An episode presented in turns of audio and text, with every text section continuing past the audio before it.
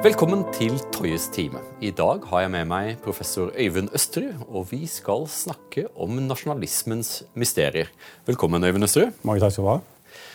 Vi kan vel starte med det mest enkle. Eh, hva er nasjonalisme, og hvorfor er akkurat dette analytiske begrepet så omstridt? Den enkle måten å svare på er å si at det er eh, en eh, politisk, et politisk fellesskap som ønsker politisk uavhengighet. Krever uavhengighet. Det er den enkle måten å si det på. Men hvis du går litt nærmere inn på det, så er det jo ekstremt omstridt. Eh, nasjonalisme er på mange måter en, det er et politisk våpen. Det brukes som honnørord, det brukes som skjellsord, det brukes i alle mulige slags betydninger. Så det fins jo ikke noen fellesbetydning for, for ordet nasjonalisme. Brukes i mange retninger. Eh, kan være høyreorientert, kan være venstreorientert. Veldig mange ulike fasetter. Og det avspeiler også at bakgrunnen er veldig sammensatt. Dette har én rot i fransk revolusjon.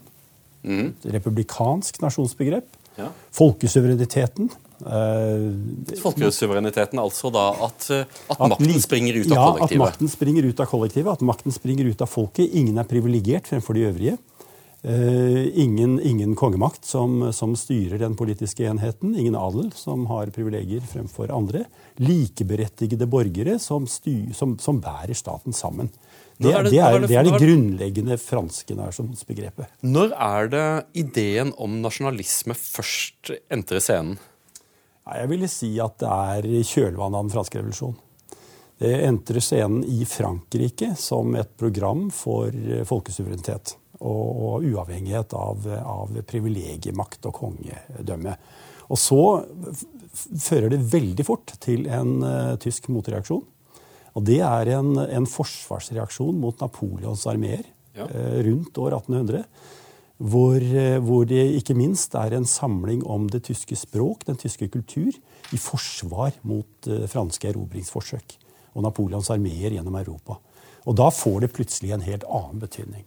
Ja, for Førstestatsviterne kommer jo med ganske tidlig, eller iallfall akademikerne kommer med ganske tidlig. For der har du jo Johan Gottlieb, eh, Fichte og taler til den tyske Fichte nasjonen. Skrev, Fichte holdt sine taler 'Reden an die deutsche Nation', ja. som er, en, som er et, eh, et, argument for at det som binder den tyske nasjonen sammen, det er det tyske språk.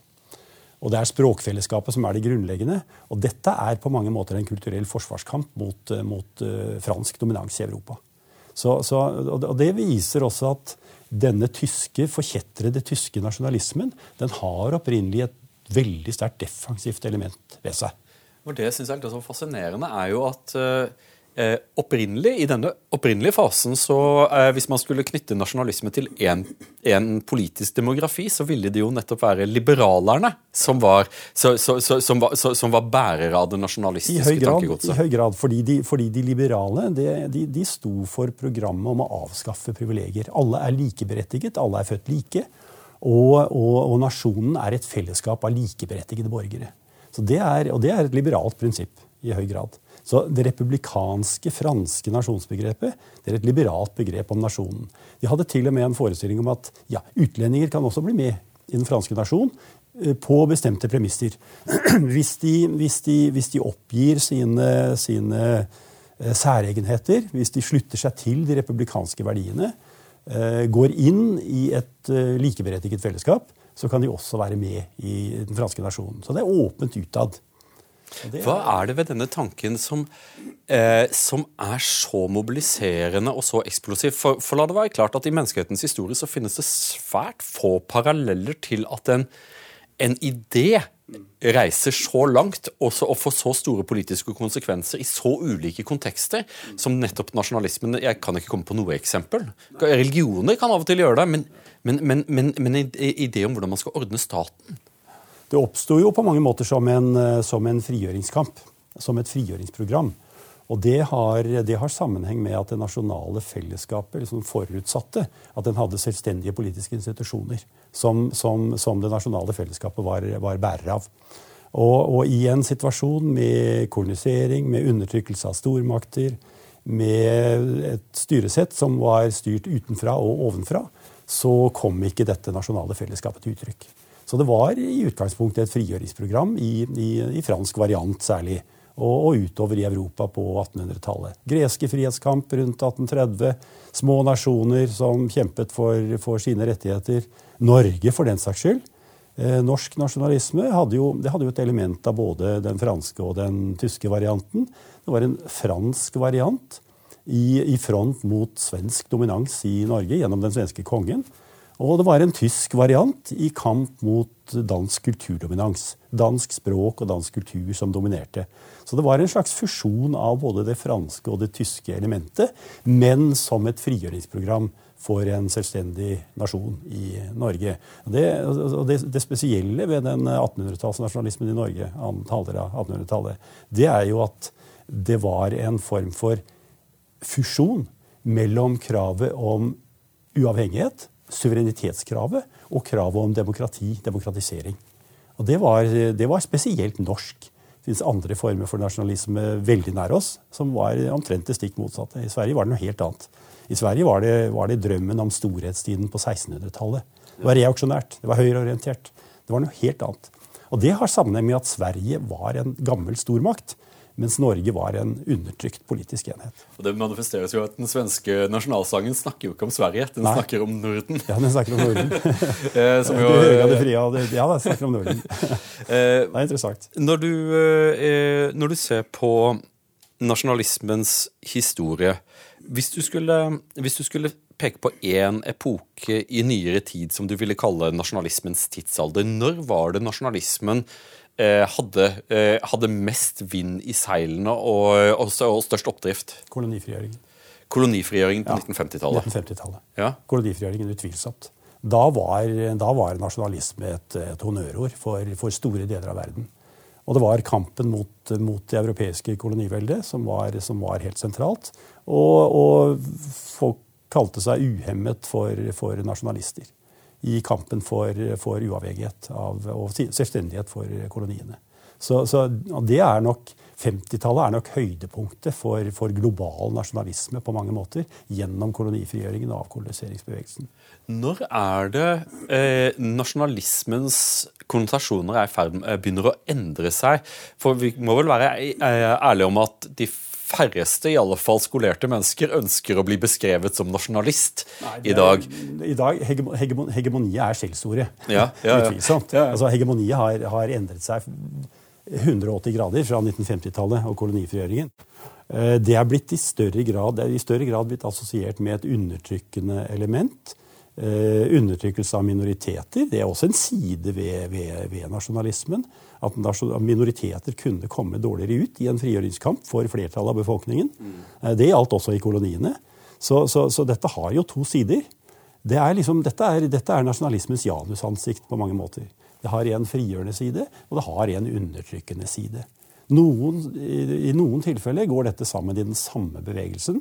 Den er på den ene side frigjørende for store deler av befolkningen. På den annen side repressiv, undertrykkende i forhold til minoritetsgrupper som ikke slutter opp om dette eh, felles programmet.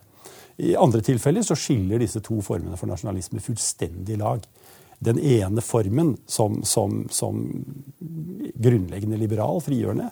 Den andre formen som en, som en form for eh, legitimering av stormaktsdominans, hegemoni eh, og, og kontroll over andre grupperinger. Så det betyr, det betyr jo, altså det interessante ved det, det er at både kolonimaktene og de koloniserte kunne bruke nasjonalismen for å legitimere det de sto for.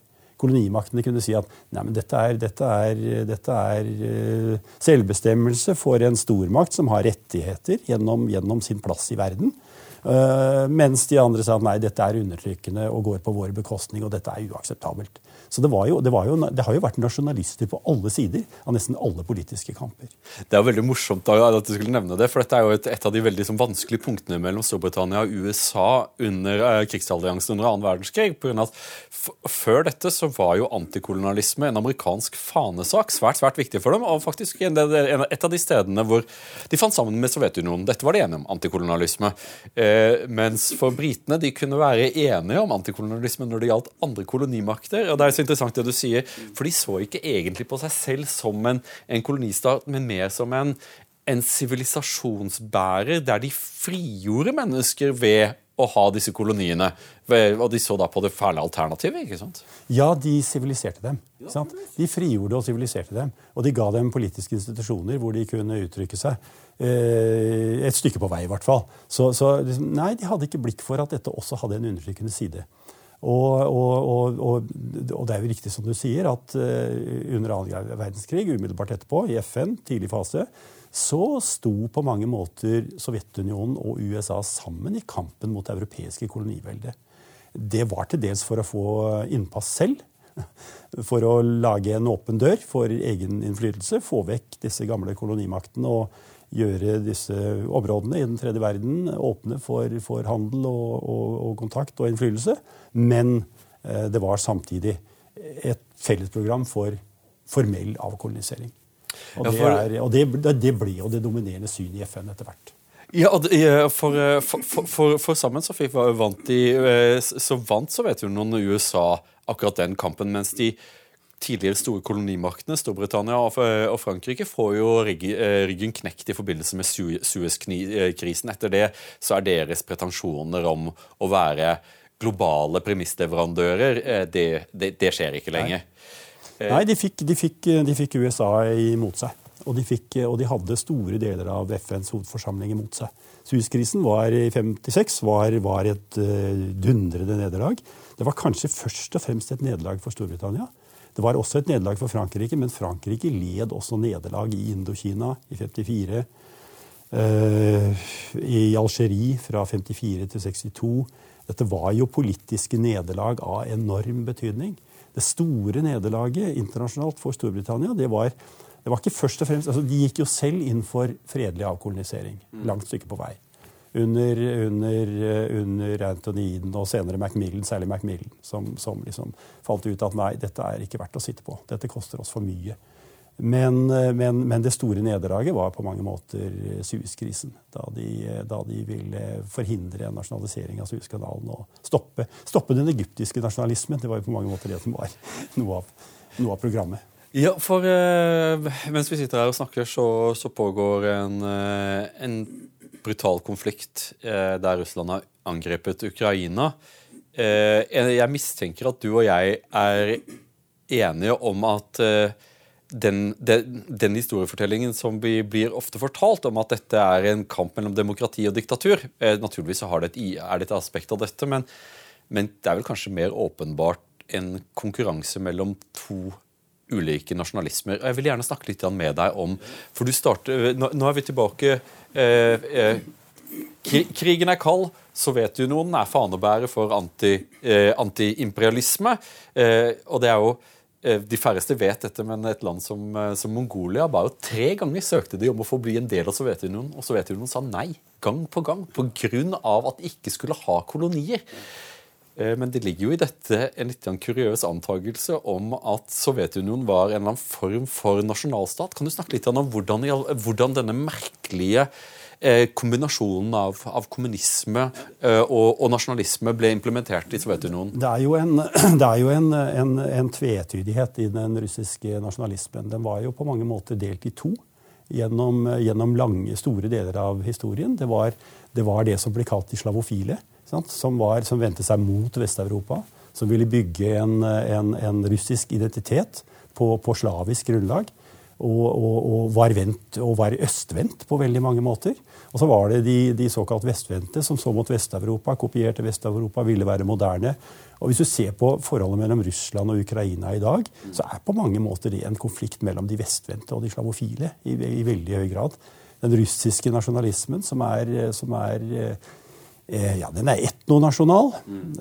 Det, det, mest ekstreme uttrykket for det er, er, er det munnhellet som sier at Russland er der hvor russere bor. Mm. Altså Når det bor russere i Øst-Ukraina, så er det Russland. Mm. Bor det russere i, i, de baltiske stater, så er det også Russland.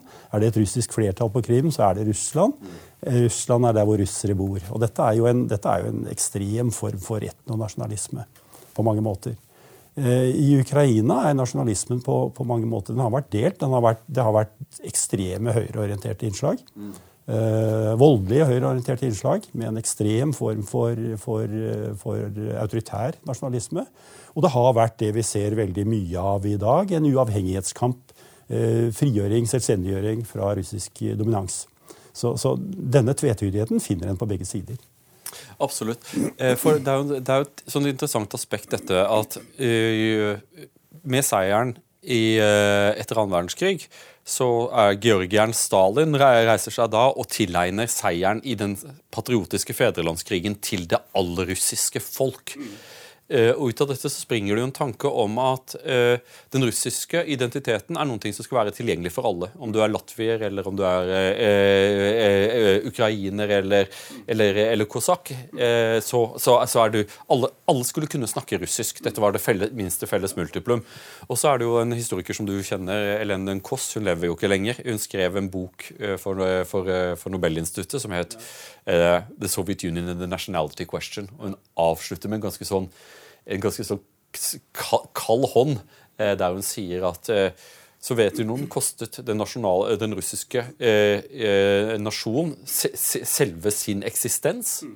Pga. at alle, alle, fikk lov til å bevare sine egne nasjonale identiteter i tillegg til den russiske, mens den ble vannet ut. Og russerne fikk ikke feire seg selv på samme måte. Og, at, eh, og sier at når, når, dette nå bryter opp, så vil resultatet trolig være en ganske aggressiv, heseblesende form for nasjonalisme som, som kommer til å vokse fram i Russland. Eh, tror du, Syns du at professor Den Kåss fikk, fikk, rett i dette? På, på et vis så, så, har hun, så, har hun, jo rett i at det vokste frem en mer aggressiv form for hesblesende, som du kaller det, form for nasjonalisme. Og, og, dette var også på mange måter et slags sånn, det var et gjennomslag for, for Stalins nasjonalitetspolitikk i 1920-årene. Hvor, hvor, eh, Sovjetunionen skulle integreres gjennom, gjennom, to institusjoner. Det ene institusjonen var eh, hæren, den russiske hær, som en integrasjonsmekanisme. Og det andre var det russiske språk, som, som helt sentralt. Det var liksom det slavofile elementet og det kulturelle elementet gjennom, gjennom, gjennom språket, og, og, og, dermed eh, på et vis den russiske sjel gjennom språket, mm. som, var, eh, som, var, som var, helt, helt sentral. Eh, Karer Dankos hadde, hun hadde rett i at det vokste frem en, en mer pågående russisk nasjonalisme etter disse nasjonalitetskrisene rundt Sovjetunionens siste, siste år og sammenbrudd. Der hun tok feil, det var der hvor hun sa at Opprøret mot Sovjetunionen kommer først og fremst i de muslimsk orienterte republikkene. Det kommer, det kommer til dels mot, mot øst, sørøst, Kaukasus. Mm. Det kommer der hvor det er store muslimske folkegrupper. Mm. Eh, der tok hun nok feil. Det kom jo først i de baltiske republikkene, mm. som hadde en egen altså De baltiske republikkene hadde en egen folkerettslig stilling, for de blir rett og slett annektert eh, i mellomkrigstiden. Mens, mens, de øvrige sovjetrepublikkene eh, på mange måter hadde en eldre historie som, som innenfor liksom en russisk eh, innflytelsessfære. Så det var en forskjell som også kom til uttrykk da Sovjetunionen gikk i oppløsning. De baltiske republikkene påberopte seg en, en, en, et, et, folkerettslig krav om at vi, vi, vi, er selvstendige, vi har vært selvstendige, vi har vært undertrykt på, på, eh, på feilaktig juridisk grunnlag. Mens de andre republikkene hadde Da var det mer en slags sånn ja, selvstendighetsbevegelse uten dette spesielle juridiske argumentet som, som, de baltiske statene hadde. Men er det ikke underlig at, eh, at vi snakker om russisk nasjonalisme i det hele tatt, all den tid Russland knapt er en nasjonalstat? Jo, men nasjonalisme kan en snakke om nesten uansett. Eh, hva, hva, slags grunnlag det er for det. Det er en utrolig god formulering av en, eh, av en fransk eh, historiker, religionshistoriker opprinnelig, som heter Ernst Renat. Skrev på annen halvdel av 1800-tallet knyttet til striden om Alsace-Lorraine, eller Elsass-Lottringen. Mm. Hvor det ble arrangert en, en folkeavstemning for å, for å, avgjøre statstilknytningen. Skulle det være tysk eller skulle det være fransk? Det var, delt i, det var både tyskspråklige og franskspråklige. Og så sier en etter dette at nasjonen den er en, folk, den er en daglig folkeavstemning. Det er en daglig folkeavstemning. Det betyr at det er en slags sånn subjektiv oppslutning om noe felles. Enten det har et objektivt grunnlag eller ikke, så er det en slags subjektiv følelse av at vi er ett folk, vi hører sammen. Eh, mens det også i mange tilfeller har et mer objektivt element, og det er jo gjerne språket. Mm. Som, som, som, som, gir grunnlag for denne subjektive følelsen av enhet. Men det behøver ikke være bundet til det. Sveitsere oppfatter seg som et, som et folk med, med tre-fire forskjellige språk, og det går fint. Så det går an å ta den nasjonale identiteten ut av en slags eh, historisk sammenheng uten at det er så veldig mye annet som binder sammen. Enn en slags sånn felles historie, hvis en, hvis en, bruker fantasien litt og ser langt tilbake. Ja, for Når vi ser på, på, på de kravene som, eh, som, Putin har kommet med overfor Ukraina, så er det jo ett et som, som, passer veldig dårlig med ideen om demokrati mot diktatur. altså kravet om at russisk må få være et offisielt språk i Ukraina. Språkpolitikken har jo vært et, et veldig sårt punkt i tilfelle med Ukraina. Jeg, jeg synes at dette er litt sånn interessant, for jeg har vært i Ukraina mange ganger og var der for første gang i 1992. Eh, og opplevde da en stat hvor det å være ukrainer for de fleste av menneskene jeg traff, ikke hadde noen mening i det hele tatt. Eh, I den grad det hadde noen mening, så var det knyttet til språk og bunad. Eh, men, men eh, det, og, altså, og, det var også ansett for å være noe som man snakket på Pampasen. altså ikke, det, var et, det, var ikke, det var ikke et byspråk, det var dialekt. liksom fra, Mens nå har du et, et land der det overveiende de aller fleste snakker ukrainsk, og har en identitet som er, eh, som er negativt definert i forhold til Eh, russerne. Og det er, jo, det er, jo, ganske vanlig. At i en presset situasjon så blir den nasjonale identiteten mye sterkere. Altså den, ble, den har aldri vært så, så, sterk i Norge som etter 10. april 1940. Enormt eh, sammensveisende. Bli utsatt for en, for en okkupasjon er, er, veldig samlende. Det var, det, var, det, var ikke, det var, ikke, universelt samlende, men det var for store deler av befolkningen så virket det samlende og sammensveisende. Og Det kom også til uttrykk i fellesprogrammet og en samlet regjering etter 1945. og hadde store konsekvenser for norsk etterkrigstid. Og Det samme ser en veldig mange andre steder. at Der hvor det er en, en, en okkupasjon, et angrep, en ytre trussel, så virker det sammenbindende. Og Det har vært veldig tydelig i eh, Ukraina. Det må, jo, en utvilsomt kunne si. U umiddelbart etter, etter eh, regjeringsskiftet i februar 2014 eh, så var det jo grupperinger i den ukrainske regjering som ville avskaffe russisk som, som, som et likestilt språk. I 2014 så var det jo også et, et, et, og, parlamentsvedtak, et svært uklokt parlamentsvedtak, ja, der de avskaffet russisk som offisielt ja, ja, språk ja, uten fikk, egentlig å ha noe mandat til å kunne gjøre fikk, noe sånt. De fikk, disse grupperingene fikk gjennomslag. De gikk, de, gikk, inn i regjeringen med det programmet, og de fikk gjennomslag. Og de fikk gjennomslag i et, i vedtak.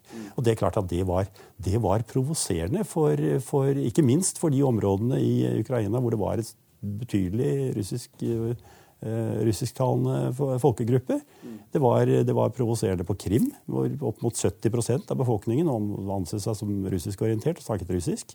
Og det var provoserende i de østlige provinsene, i de østlige oblastene. Så, så, så, så dette var men, men, men, i dag så er jo en del, mye, mye, av dette på en måte visket ut i en slags sånn felles følelse av at nå står vi sammen i, i, i, i kamp, felles kamp mot en aggressiv makt. Og det virker samlende. For dette er jo den store patriotiske føderlandskrigen for Ukraina. Ja, det er det. Her ser du jo omtrent alle som kan bære våpen, forsøker å bære våpen. Eh, og de klarer å stå imot. Det er, jo, det er jo, enormt imponerende på mange måter. Det er eventyrlig hva de har klart å få til. Jo, russere hadde ikke trodd det, Putin hadde ikke trodd det. Eh, de fleste av oss andre ville heller ikke trodd at de var såpass effektive til å stå imot den russiske militærmakten. Eh, selvfølgelig er den mye svakere enn en russere selv trodde, og enn de fleste utenlandske eksperter trodde.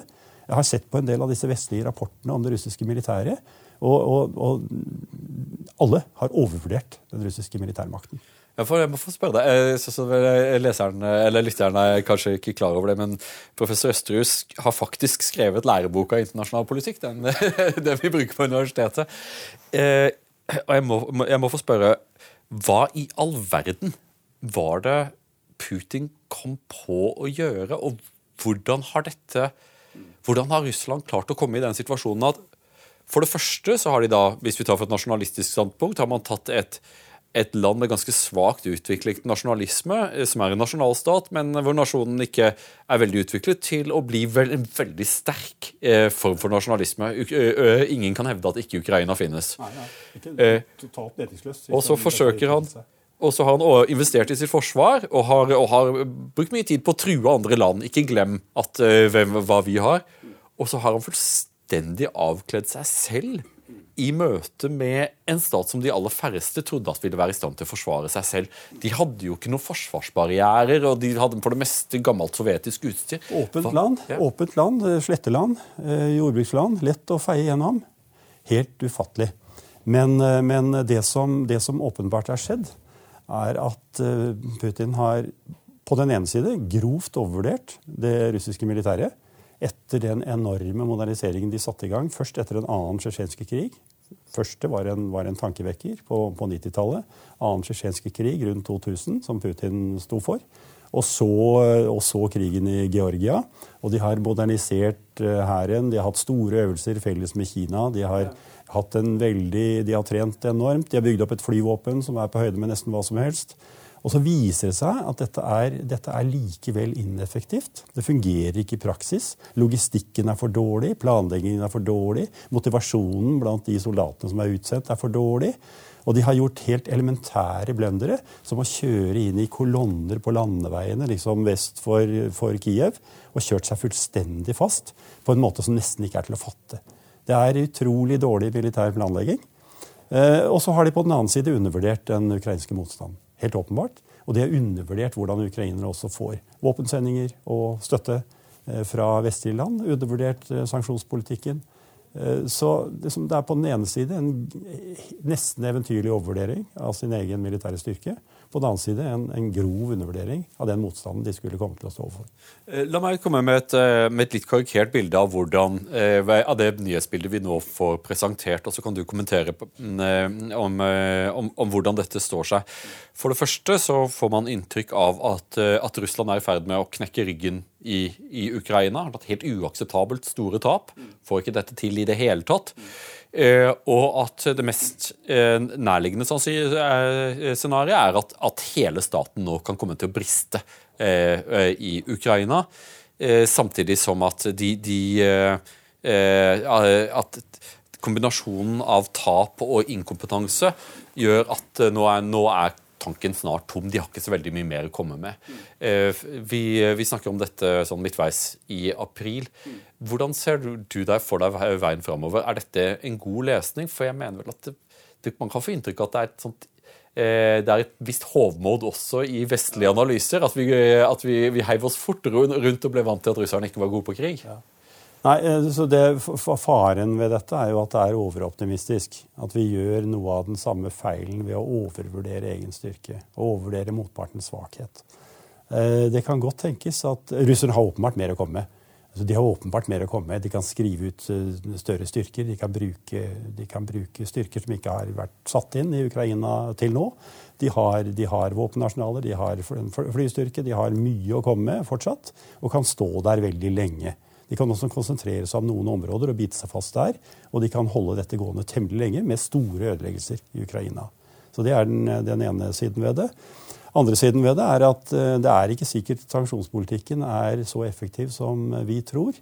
Eh, opp mot 40 land, 35, mellom 35 og 40 land, eh, har ikke stemt for sanksjonspolitikken og fordømmelsen av Russland. Det gjelder store deler av Asia, det gjelder Kina, det gjelder India. Det gjelder store, halvparten av Afrika, det gjelder store deler av Midtøsten. Ikke stemt for dette. Eh, fem, stater med 53 av verdens befolkning har ikke stemt for sanksjonspolitikken mot Russland. Så Det betyr at de har betydelige eh, ressurser å gå på, også i omverdenen.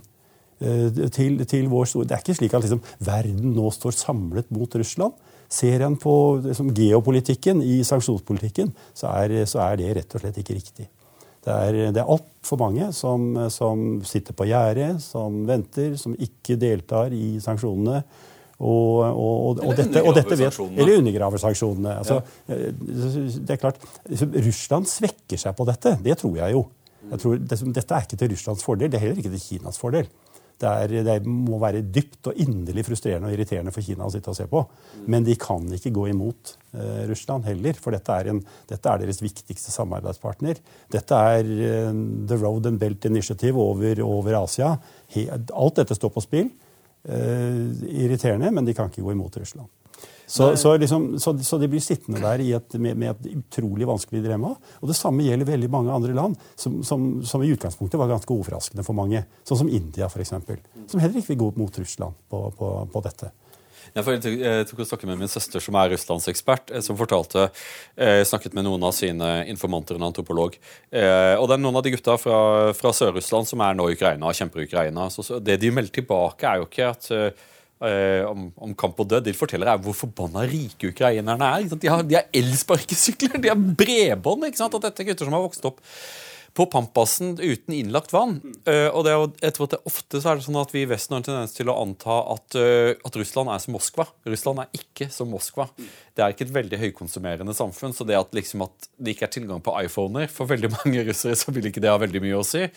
Og det jeg hører fra Moskva, er at en stund så var det sånn at en del varer forsvant fra butikkene, eh, og det kompenseres nå med tyrkiske varer. Så, og Tyrkia skal jo presumptivt være en del av de landene som sanksjoneres. og hvorfor veldig mye, De venner seg til nye varer som er ESAs-varer, men som er helt greie. Eh, men, eh, men, som jeg hører at det er mye tyrkiske varer nå i, i butikkene. Hvor lenge kan Russland stå i dette? For det er jo det som vil være min, min uro i dette, er at øh, øh, hvis, hvis Russland da et, det er jo ikke så overraskende. Eh, tyskerne, eh, tyskerne kaller dette Kesselschlacht. Altså at en høyrisikostrategi i en krig er at du tar dine skarpeste elementer og så kjører du som fanken. og Så forsøker du å få lukket inn og stengt døra bak en stor gruppe med soldater, og så skviser du dem. Det er den vanlige måten å gjøre det på. Faren er at hvis noen, hvis noen Du har flanker som er vel svært utsatte, og det ser du på TV hver dag. at Hvis du bare har rullet inn med, med, med en kolonne, og du har folk på siden av veien med, med panserbrytende missiler, så, så, har du et kjempeproblem. Og, så de har virkelig fått oppleve ulempen med det. Men hvis man da går tilbake til mer russiske måten, og fram på bred front, ruller fram tungt artilleri, og så flater du det som ligger foran, og så kjører du en kilometer til, som tydeligvis er det de har tenkt å gjøre i Donetsk og Luhansk, hvor lenge kan de stå i noe sånt? Nei, det er jo vanskelig å si hvor lenge de kan stå i det, men de kan stå betydelig lenger enn de har gjort hittil. Og, og, og det, som er, det, som er, det fortærede problemet med Ukraina, sett med russiske øyne, det er jo at det er den vestvendte delen, liksom. Det er den vestvendte delen av deres egen identitet, på et vis, som er, som er provoserende som er vanskelig å forholde seg til, fordi, fordi dette er, det, det, det, liksom, det, glipper ut av fingrene. Det som, var, det som, var, Putins store plan, det var jo å forhindre den ytterligere vestvendingen av, av Ukraina. Stanse dette for enhver pris. Og så tok han en enorm risiko. Hvor han, hvor han undervurderte uh, motstanden og overvurderte egne styrker. Og dette gikk utrolig dårlig i første fase. Men de kan jo stå betydelig lenger. Og dette har, det som, Å gi det opp vil være, vil være et utrolig prestisjenederlag. Og det vil være et nederlag for hele forestillingen om forholdet mellom Russland og Ukraina. Dette er jo, dette er jo liksom, det er den sårbare veien fra vest går gjennom Ukraina. Det er der, det er der Napoleons armeer kom, det er der Hitler-Tysklands armeer kom, det er der Karl 12. kom. Liksom, dette er, dette er den sårbare veien vestover. Å gi slipp på dominans over dette, det, det sitter ufattelig langt inne.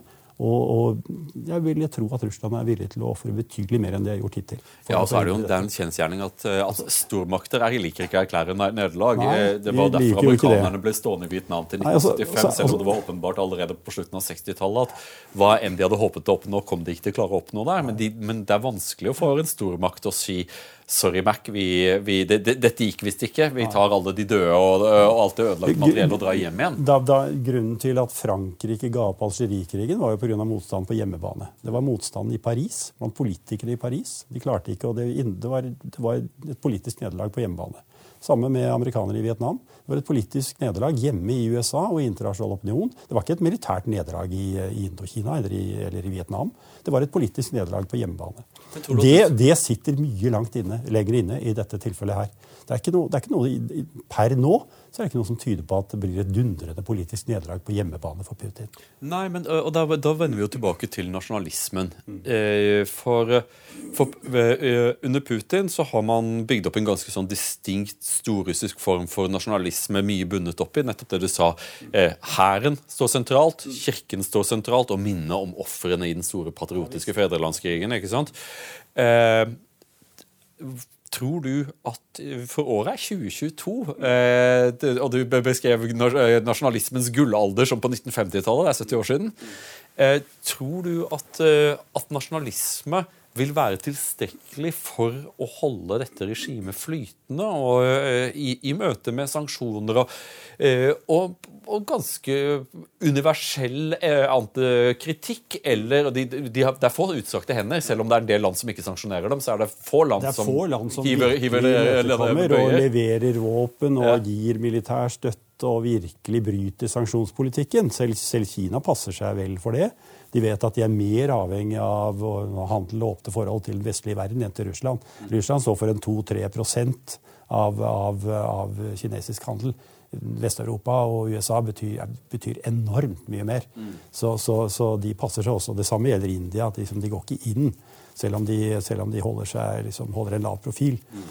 Men, men uh, russisk nasjonalisme stimuleres jo også i noen grad av sanksjonspolitikken. Fordi veldig mye av sanksjonspolitikken rammer en vanlig russer. Det rammer, rammer kunstnere, akademikere, uh, andre grupper som utsettes for, for en boikott som de ikke forstår.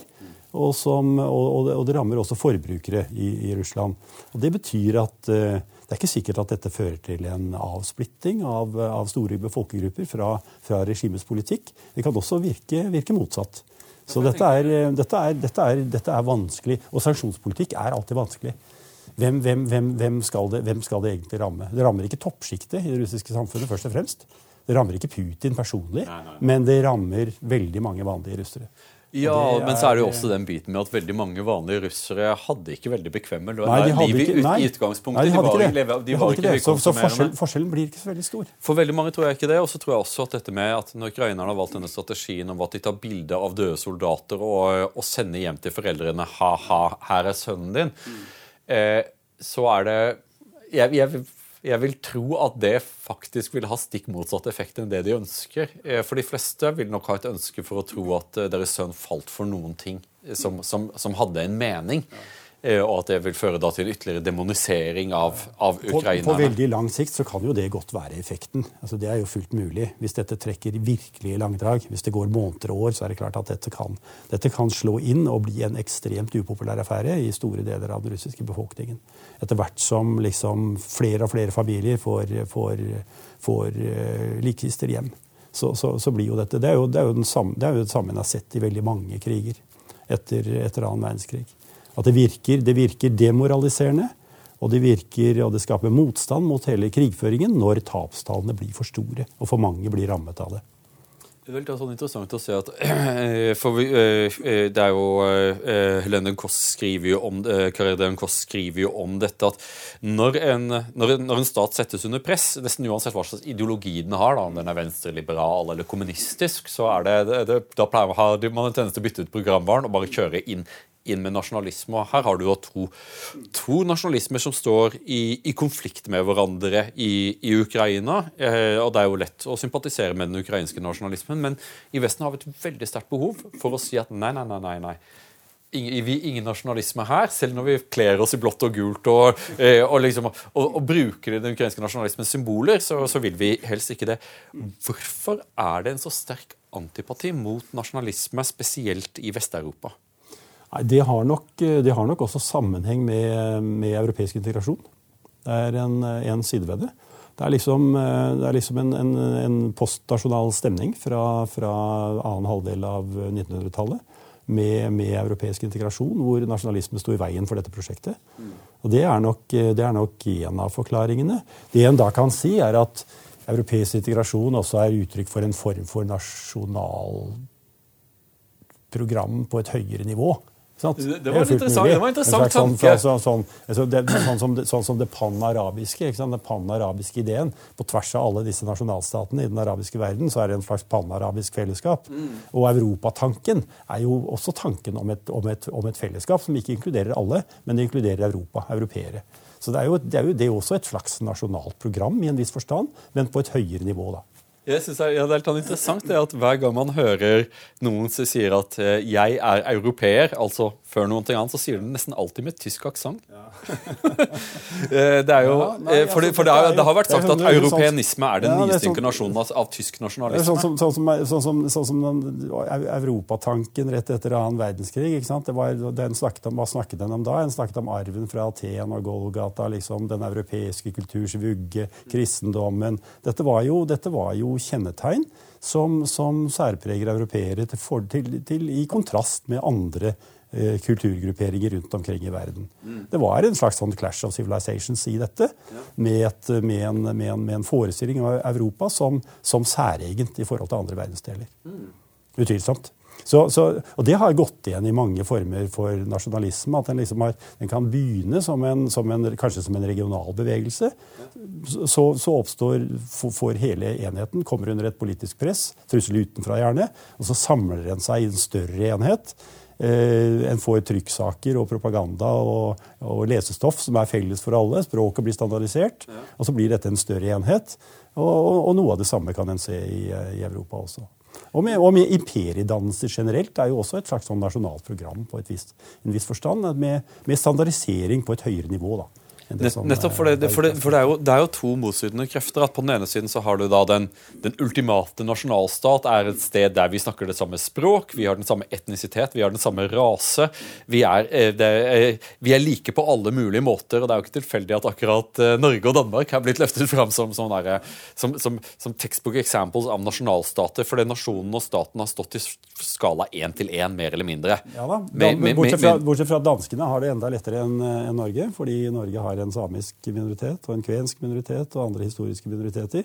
Ja, Men de hadde danskene... jo også en stor tysk minoritet ja, ja, før 1864. Absolutt. Ja, ja, absolutt. Danskene hadde det. Danskene mm. hadde det, absolutt. Eh, så, så den måtte de på en måte vende ryggen, da for å få dette til å gå helt opp. Ja, også, men, jeg, men, jeg, er enig med deg at vi, de hadde jo ikke kvenene, de hadde ikke samene, og de hadde, de hadde heller ikke denne embetsmannskasten, de som, så, så, som, jo, som var, jo har som vært så viktig i Norge. ikke sant? og som var fremmed i utgangspunktet. Som var fremmed i Norge, og ja. som har blitt, så, som har blitt uh, rotnorske. Men det tok tid før Stoltenbergene ble ansett for å være en del av den norske veven. Ja.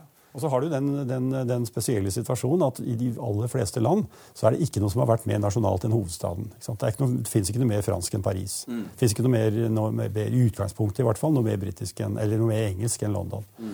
Mens i Norge har det ikke vært sånn. Det fins ikke noe mer eh, danskorientert enn Oslo. Det fins ikke noe mindre norsk enn Oslo. Så, så liksom dette, dette, varierer jo kolossalt. Og det samme mønsteret finner en jo i, eh, i mange av koloniene. Den store, den store, sentrale byen, administrasjonssenteret, har vært ikke-nasjonal, også i koloniene. Den har vært dominert av kolonimakten. Og, og det samme hadde vi i Norge. Professor Østerøy, jeg må nesten få spørre, hvor, er, hvor, hvor, i Norge er det du kommer fra? Nei, når du sier sånn, så får jeg en følelse at du ikke kommer fra Oslo. Jeg kommer fra, jeg kommer fra der hvor de store elvene møtes, Nes på Romerike. Oh.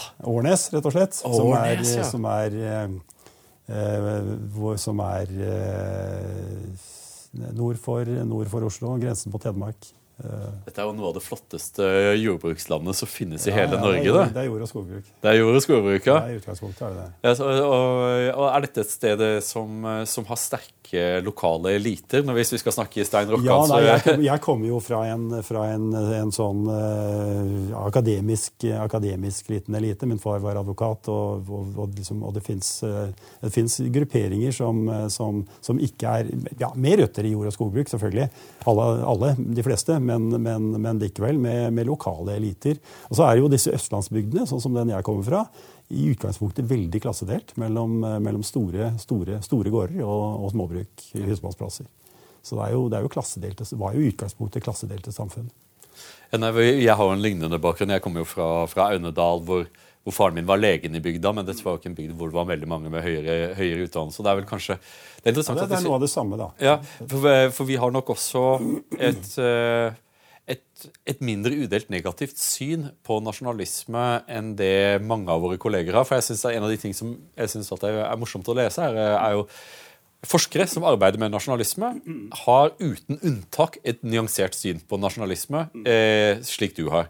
Altså, ja, altså noe, noe det, det, jeg bruker, det jeg av og til kan si, hvis jeg skal være veldig frivol, det er jo at jeg har en eh, jeg, jeg, kjenner begge de to kulturer, på et vis. Jeg kjenner den norske embetsmannskulturen, akademiske kulturen. Det er min, min nærmeste familie. Går jeg ett trinn lenger tilbake, eller ett eh, skritt til siden, så er det, så er det norske bondesamfunnet og, og det norske nasjonale. Så jeg, liksom, jeg, jeg, behersker jo og favner jo begge sider av, av, det nasjonale i Norge. Ja, men det er jo, og det er jo det er, som, er, som, som, til dels var motpoler. Men jeg tror også at dette er en, jeg tror at dette er, at det er en, er en betydelig sånn gave for å forstå eh, den, dette motsetningsfulle konseptet som nasjonalisme er. For eh, nå vil jeg gjerne ta så eh, vende eh, tilbake til, til nåtiden. Eh, vi diskuterte hvordan eh, det europeiske integrasjonsprosjektet har tatt store, har tatt store steg i, i, i integrasjon og, og, makt og velstand. Eh, og sågar så langt at man, at man, nå driver på en stedfortrederkrig mot Russland i Ukraina. Man, pøser, man finansierer den ukrainske staten og gir ukrainerne penger. Det, det er vitner om selvtillit og en, og en felles identitet. Eh, samtidig så skriver eh, den tidligere CIA-lederen eh, Paul R. Piller han skriver i Foreign Affairs at vi nå lever in the age of nationalism. Eh, Hvorfor er Europa såpass ulikt andre deler av verden? For nasjonalismen har så visst ikke gått av, sted, av mote noe annet sted enn i Europa? Jeg tror at det først og fremst har sammenheng med den kalde krigen. Det som bandt Europa sammen etter annen verdenskrig, var, var den kalde krigen og supermaktspenningen. Hvor, hvor, hvor, Europa ble et slags sikkerhetspolitisk protektorat under USA, under den amerikanske atomparaplyen, i stor grad. Eh, litt murring i Frankrike og litt i Storbritannia, men, men, men, stort sett et sikkerhetspolitisk protektorat under USA. Og med en felles motstander i Sovjetunionen som bandt Europa sammen. Dette er jo betingelsene for europeisk integrasjon. At de satt i den samme båt, satt i samme båt under den kalde krigen. Så det er jo, jo Nato-politikken og den kalde krigen som har bundet Europa sammen i utgangspunktet. Og dette var også et, dette var også et amerikansk program.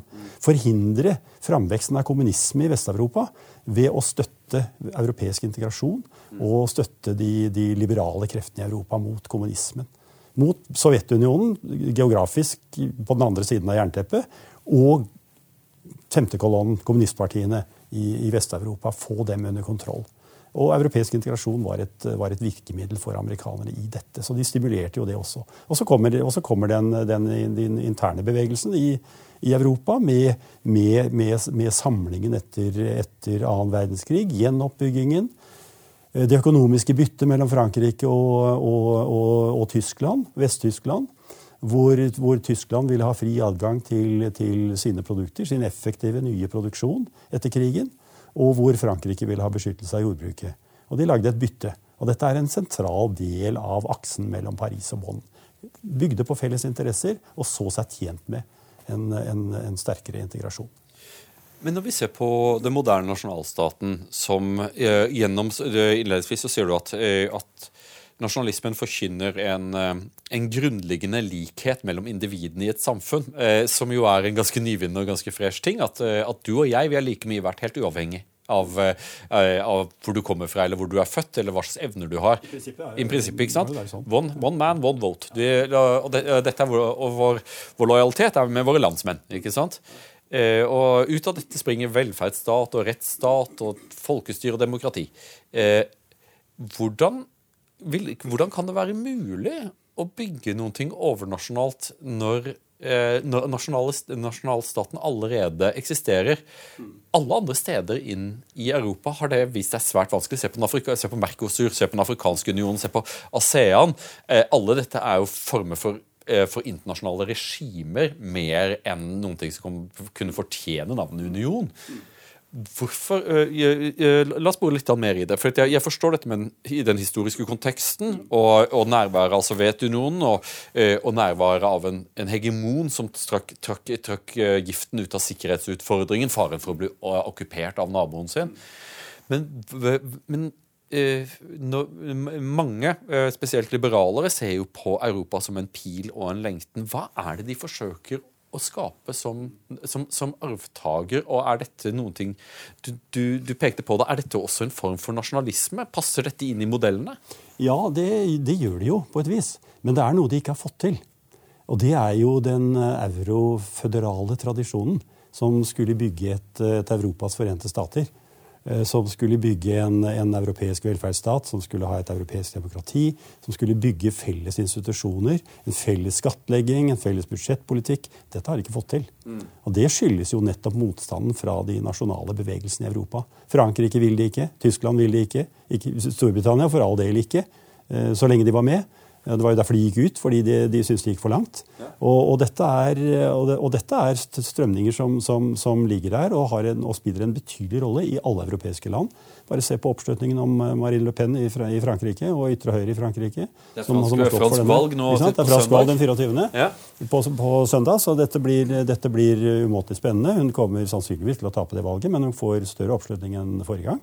Og, og, og representerer noe annet. Altså de, det var jo bare så vidt båten bar da Frankrike skulle stemme over, over Maastricht-avtalen. Det var bare så vidt det bar. Så hårfint. Mm. Så alle europeiske land er splittet i synet på dette.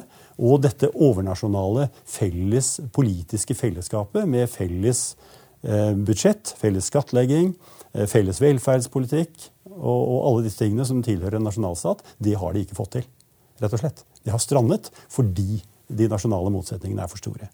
Det, er, det går en grense for hvor, hvor, langt integrasjonen kan gå før du får sånne motbevegelser som du nå har i Frankrike, som du hadde i Storbritannia, og som du har i, i mange, mange europeiske land. Jeg så nylig et, et, intervju eh, med Steve Bannon, den tidligere sikkerhetspolitiske rådgiveren til, eh, til Donald Trump. Og, eh, og, og, han er jo en av de som, som mener at den bevegelsen som vekslende kalles den nye høyresiden. Av og til kalles de høyrepopulister. Han, han sier at vi er, eh, vi er den, den, populistiske, nasjonalistiske bevegelse. Eh, tror du at det finnes en fremtid for nasjonalisme i, i, vestlige land? Og du, du snakket om eh, dette janusansiktet til, til, til nasjonalisme. Hvilke, hvilken side av av, av Janus-ansiktet eh, tenker du at, eh, at, europeisk nasjonalisme vil ha dersom dersom verdens Francis Fukuyama tar feil og sier at dette er bare historisk vrakgods som ligger bak oss? Da tror jeg en risikerer å få den mer, mer, mer aggressive, innadvendte, høyreorienterte formen for nasjonalisme i protest mot en form for for nasjonal integrasjon som for mange går for langt. Mm. Altså de føler at de mister kontrollen, det blir for langt til beslutningssentrene. Eh, arbeidsplassene forsvinner til lavkostland langt ute. Eh, beskyttelsen blir for dårlig. Der grensene beskyttes ikke, naboskapene beskyttes ikke ordentlig. Folk blir usikre og utrygge. Og oppslutningen om såkalt høyrepopulistiske partier stiger i takt med dette. Man får nesten inntrykk av at dette er en sånn historiens flo og fjære. for Vi, vi, startet, ja. vi startet, jo på 1800-tallet med eh, transnasjonale eliter, veldig veldig liberale, veldig, veldig, flinke til å samarbeide med hverandre. Og, eh, og jo mer, mer, du var i periferien økonomisk, kulturelt eller geografisk, jo mindre medbestemmelse hadde du. Eh, og så kommer noen og tilbyr deg at du er like mye verdt som, som byborgeren eller sågar som adelsmannen. Veldig, veldig appellerende tankegods. Det er voldsomt revolusjonerende idé. Ja, ja, ja. Men, det som, men det som er eh, det som er eh, noe av, noe av, situasjonen i Europa nå, det er jo at synet på demokrati er delt i to. Mm. Det er to vidt forskjellige syn på demokrati i europeiske land. Og det er ganske, ganske urovekkende. Det ene synet går ut på at vi dyrker folkesuvereniteten og flertallsprinsippet. Sant? Eh, og det kan gå litt på bekostning av minoritetsrettigheter, og det får vi, det får vi ta, for folkesuvereniteten er, er, det sentrale. Og så er det, så er det den andre formen for, for, demokratiforsvar i Europa, som sier at nei, det er rettsstaten og rettsstatsverdiene som er det helt grunnleggende, og så får vi, får vi renonsere litt på folkesuvereniteten og flertallsbeslutningene. Og dette er, dette er en skarp politisk motsetning innad i nesten alle europeiske land ulike syn på demokratiet, hvor noen sier at nei, for, for, rettsstaten krever overnasjonalitet, den krever en internasjonal rettsorden, den krever ting som, som, som støter an mot folkesuverenitetsprinsippet, og da får vi heller ofre noe av det. Flertallet kan ikke bestemme på, på bekostning av rettsstatsverdiene. Så dette er jo kritikken av Ungarn og Polen og mange østeuropeiske land. Og så er det, så er det de som forsvarer seg og sier at nei, vi har en annen demokratioppfatning. Vi legger mindre vekt på denne rettsstatsoppfatningen hvis den skal føre til at beslutningene glipper unna oss. Vi holder på folkesuvereniteten, beslutning i valgte organer, flertallsprinsippet. Og dette er, dette er to vidt forskjellige altså For oss, for deg og meg, så henger disse to tingene veldig nær sammen. Altså Rettsstat og folkesuverenitet er to sider av samme sak på et vis. Men det er ikke sånn det ser ut i Europa nå. Det er splittet i to ulike politiske bevegelser hvor, hvor, hvor liksom det, vi, det, det, de fleste kaller høyrepopulistiske eller nasjonalkonservative retninger, står for det ene synet, folkesuverenitetsprinsippet, mens de liberale står for det andre synet, som, er, eh, som dyrker rettsstaten som det mest sentrale, og, og rettsstatsverdiene. Ja, for problem, er, eh, Problemet ligger jo i begrepet rettsstaten. Eh, hadde det vært slik at det var ditt hjemle, det norske høyesterett som gjorde dette, så tror jeg at det, at det ville vært for de aller fleste to sider av samme sak. Ja. Men, men, men hva skjer når rettsinstansen ligger utenfor ja. overnasjonal? Det, det, er det som er problemet. Og, for, og, det er ikke medlemmer av nasjonen nei, som sitter der? Nei, det er, det, det er, jo det som skaper denne motsetningen i demokratisyn. Ja. At for de som, de som sier at som rettsstaten og rettsstatsverdiene er det sentrale, så har de mindre motforestillinger mot at den rettsstaten forankres på et overnasjonalt nivå. Og det er det som er provoserende for de som sier at nei, folkesuvereniteten er primær. Og, og dermed har en denne motsetningen som en dyp splittelse i, i europeeres syn på demokrati og, og nasjonalstat. Professor Østerud, det virker jo, Når jeg snakker med deg, så får jeg, så får jeg følelsen av at, at, nasjonalismen er like revolusjonær i dag som det den var da Fichte holdt sine taler til den tyske nasjonen? Ja, Den dukker jo stadig opp igjen da, i, treng, i, trengte situasjoner, som den har gjort i Ukraina, og som den, og som den også for så vidt gjør og dyrkes fram i Russland, med, med, med, med andre fortegn. Så, så, dette er jo, det er jo forbløffende aktuelt, selv om, selv om eh, opprinnelsen ligger et par-tre par, hundre år tilbake i tid. For eh, de av lytterne som vil lære mer om nasjonalisme, så anbefaler jeg kortboka som Øyvind Østerud har skrevet på Dreie forlag, som heter vel bare 'Nasjonalisme'. Og en litt lengre variasjon som heter 'Hva er nasjonalisme?' Eller så hvis du er akademisk anlagt, så kan du lese en av de mange fagartiklene som professor Østerud har skrevet på norsk og på engelsk, eh, mest på engelsk, om nasjonalisme. Du er jo en av de faktisk ledende ekspertene på feltet. Professor Østerud, takk så mye for at du ville være med oss her i dag. Mange takk for samtalen.